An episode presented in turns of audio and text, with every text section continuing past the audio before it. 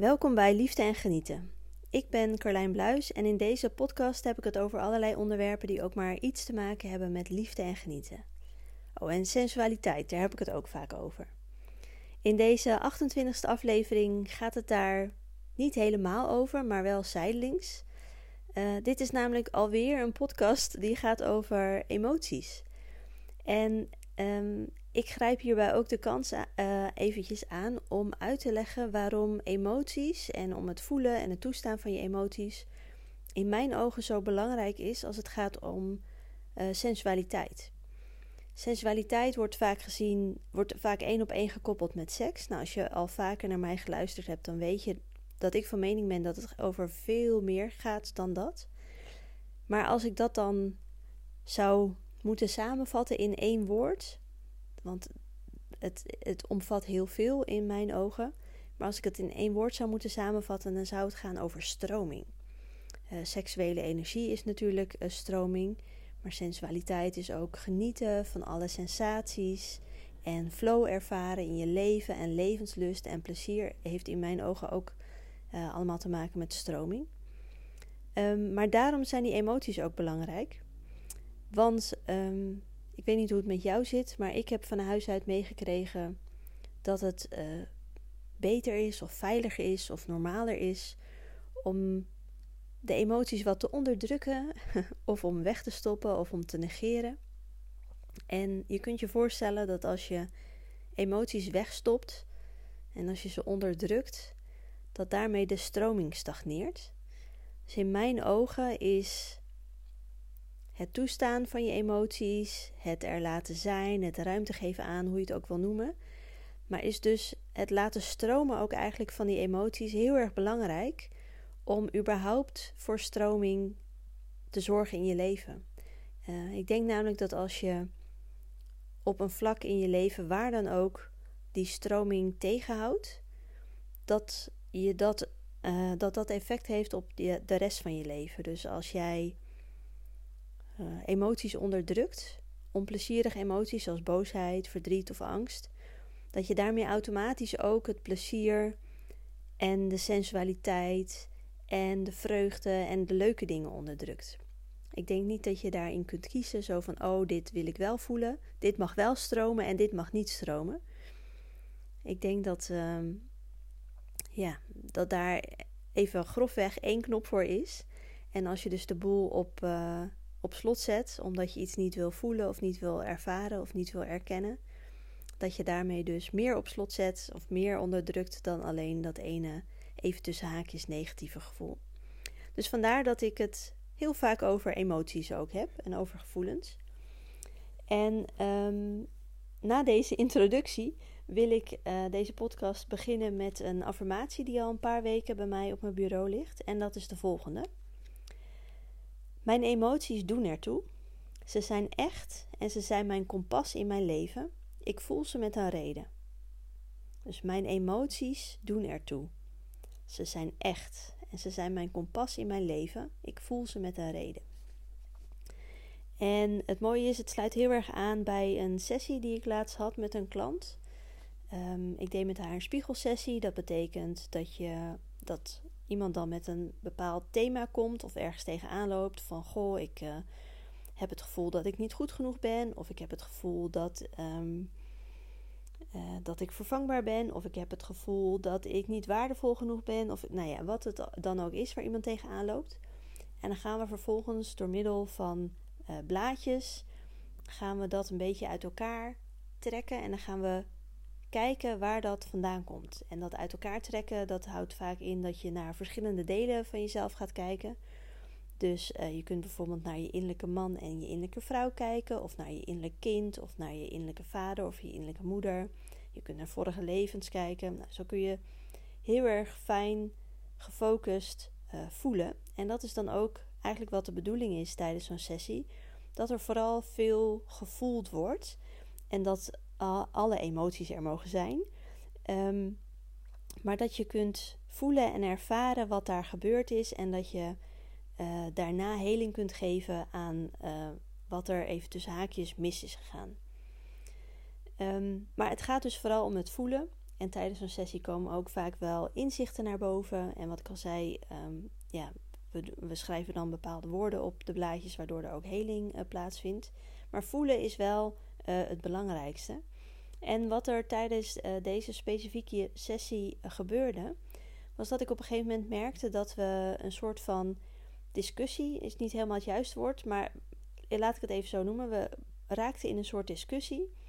Um, de klant die bij mij was, die zei bepaalde dingen. En ja, ik hou dan altijd een spiegel voor. En dan zeg ik, ik hoor je dit zeggen. En hoe zit dat? Hoe voel je dat? En in plaats van dat, er, uh, dat we doorgingen op het voelen...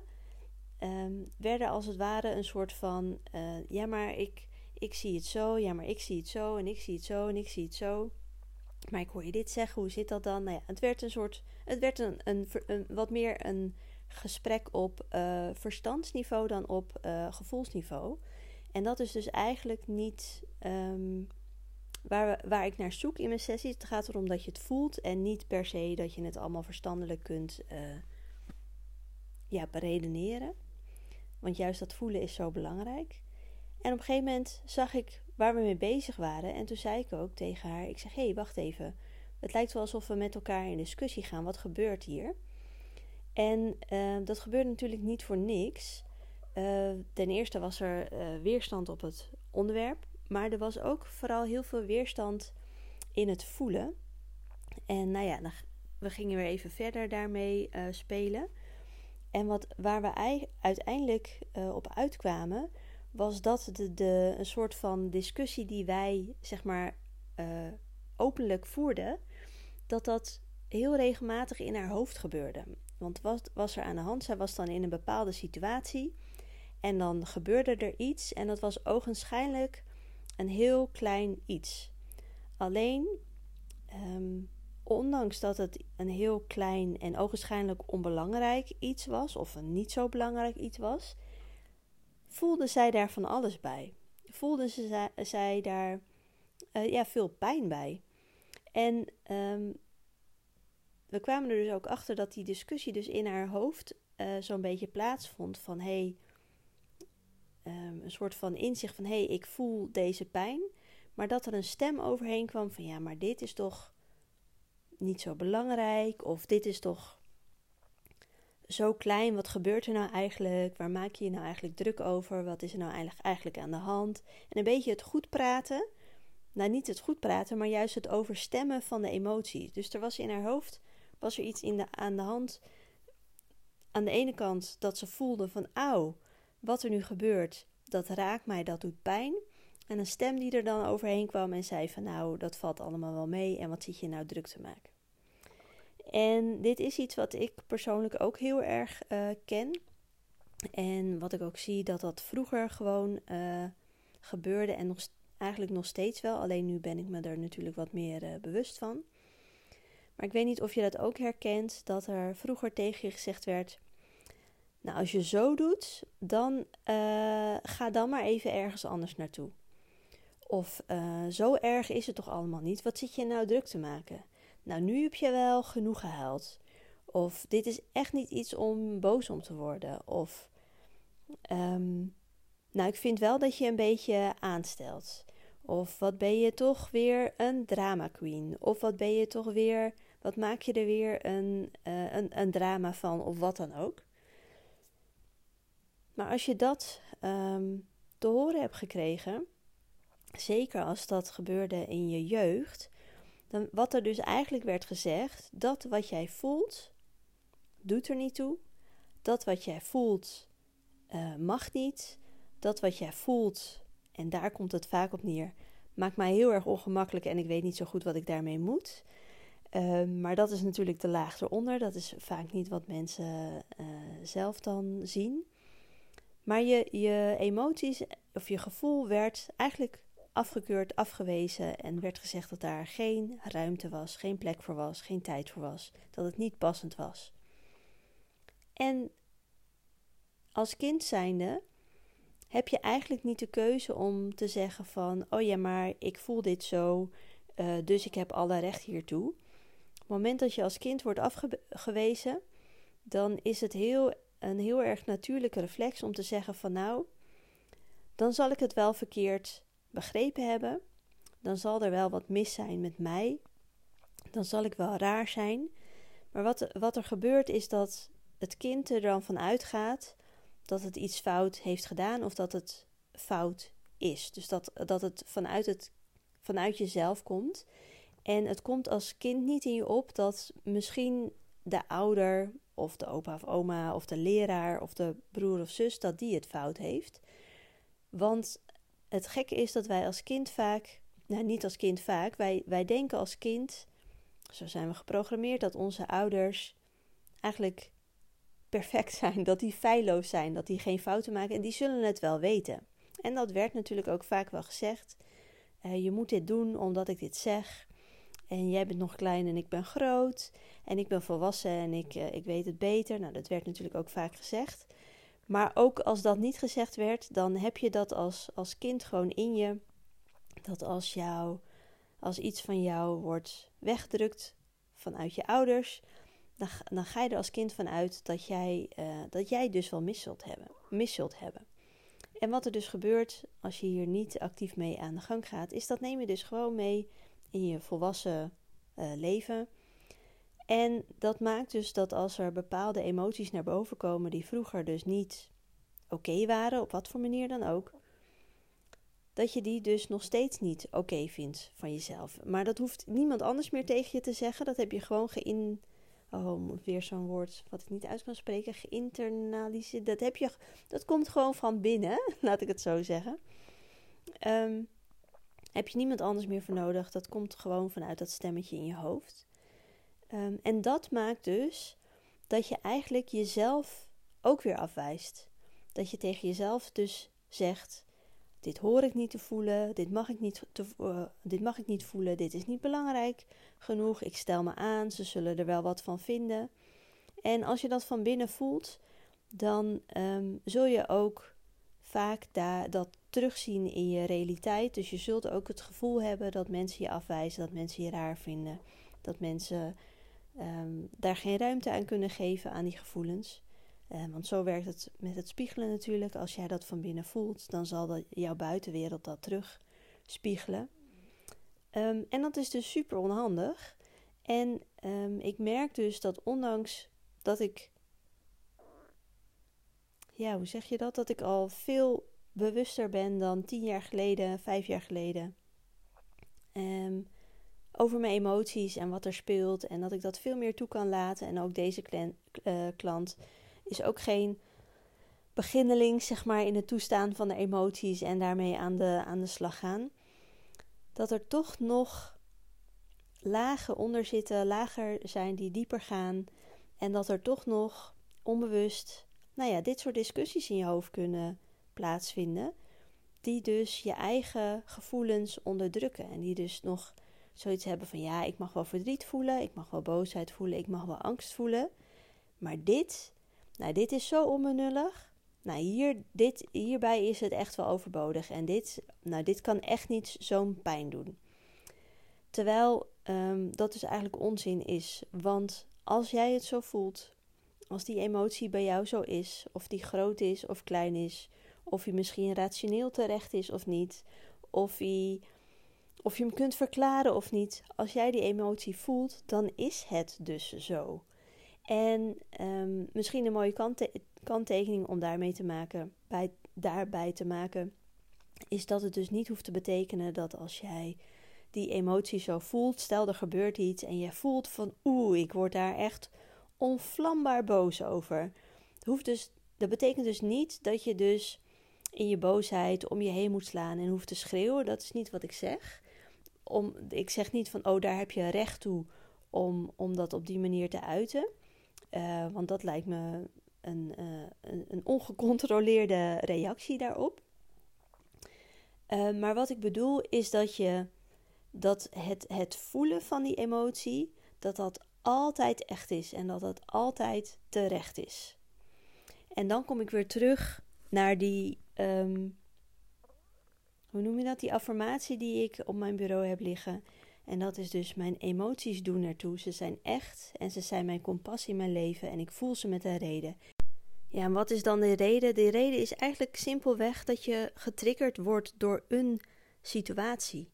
En nou hoeft het echt niet zo te zijn dat je bij iedere keer dat je denkt van wow, dit was wel een hele heftige uh, reactie van mezelf. Ik zie dat ik hier uh, heftiger op reageer dan misschien uh, logisch is. Dat betekent niet dat je er altijd helemaal in hoeft te duiken van oh, wat was hier dan de trigger en wat, wat zat hier dan achter.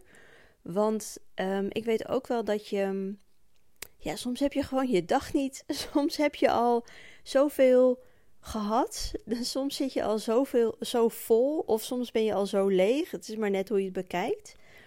Dat um, het eigenlijk niet per se aan een specifieke situatie ligt, maar dat het meer gewoon de druppel is die de emmer doet uh, overlopen.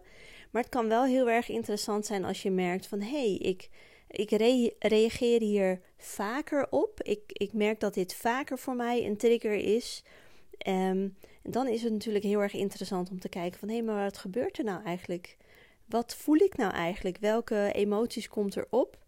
En, en wat ligt erachter? Voel ik Voel ik me afgewezen? Voel ik me niet gezien? Voel ik me niet gehoord? Voel ik me onbelangrijk? Voel ik me aan de kant geschoven? Voel ik me, weet ik veel wat, wat je allemaal kan voelen? Uh, dan wordt het natuurlijk heel erg interessant om te kijken van hé, hey, maar wat wil zo'n situatie me eigenlijk uh, spiegelen? En wat, uh, wat kan ik hier eigenlijk mee en wat mag ik dus aankijken? Wat, welk stuk in mij wordt hier geraakt dat graag op dit moment gezien mag worden. Want dat heb ik in een eerdere podcast ook uh, wel gedeeld. Ik ben van mening dat je emoties altijd in ontwikkeling blijven.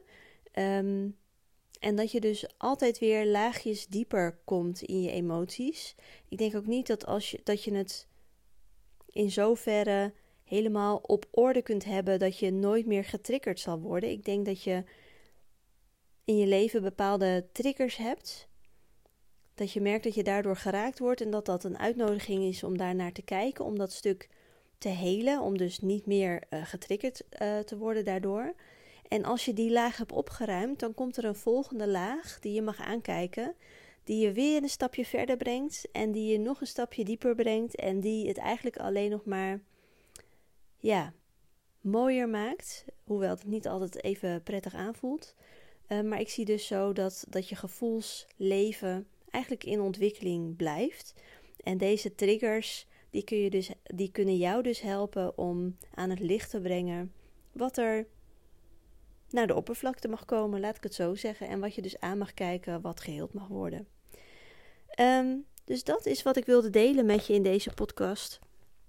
Dat, um, ja, dat ik zelf ook, wat ik al zei, dat ik zelf ook al merk dat dit blijft dat dit iets is wat, um, waarvan je misschien wel denkt: ah ja, maar dit heb ik toch al lang aangekeken, opgelost. Dit weet ik toch al van mezelf. Uh, maar ik denk dus dat dit blijft komen, dat er elke keer nieuwe uitdagingen komen en dat dat helemaal oké is. En ik nodig je ook uit om eens te kijken van hé, hey, maar in hoeverre merk ik dat er bepaalde situaties in mijn leven zijn waar ik dan emotioneel op reageer. En waar ik vervolgens uh, de boel wegdruk, omdat ik mentaal gezien vind dat het niet belangrijk genoeg is, of dat het nergens op slaat, of dat het te veel drama is, of wat dan ook. Dus ga dat eens kijken. Um, wat ik ook nog wil benoemen in deze podcast is um, dat ik vrijdag 2 februari, ja, zo zeg ik het goed, vrijdag 2 februari geef ik een gratis online hypnose. Ik heb hem genoemd de Sensual Goddess hypnose. En um, in deze hypnose neem ik je mee naar een van de aspecten van je sensualiteit. Sensualiteit die dus een bredere betekenis heeft dan alleen seksuele energie. Het gaat dus over stroming.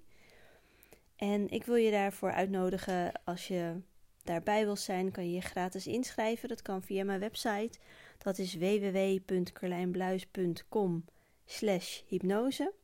En als je mij volgt op Instagram, dan kun je daar ook in mijn biografie staat zo'n linkje met ontdek, ont, ontdek meer. Daarin staat ook een uh, linkje naar, uh, naar de pagina, kan je inschrijven. En als je er niet uitkomt, stuur gerust een berichtje, dan stuur ik je gewoon het linkje op. Ehm, ja, dat was hem voor vandaag. Niet zo'n lange podcast, maar ik denk wel een, uh, een mooie, een fijne. Het was voor mij in ieder geval mooi om te zien dat dit gebeurde. Uh, mooi om zelf ook die spiegel te krijgen. En ik hoop dat je er weer wat mee kon. En dat het uh, ja, je, open, je ogen misschien opent voor een situatie bij jezelf. En ik zie of spreek je een volgende keer. Doei doei.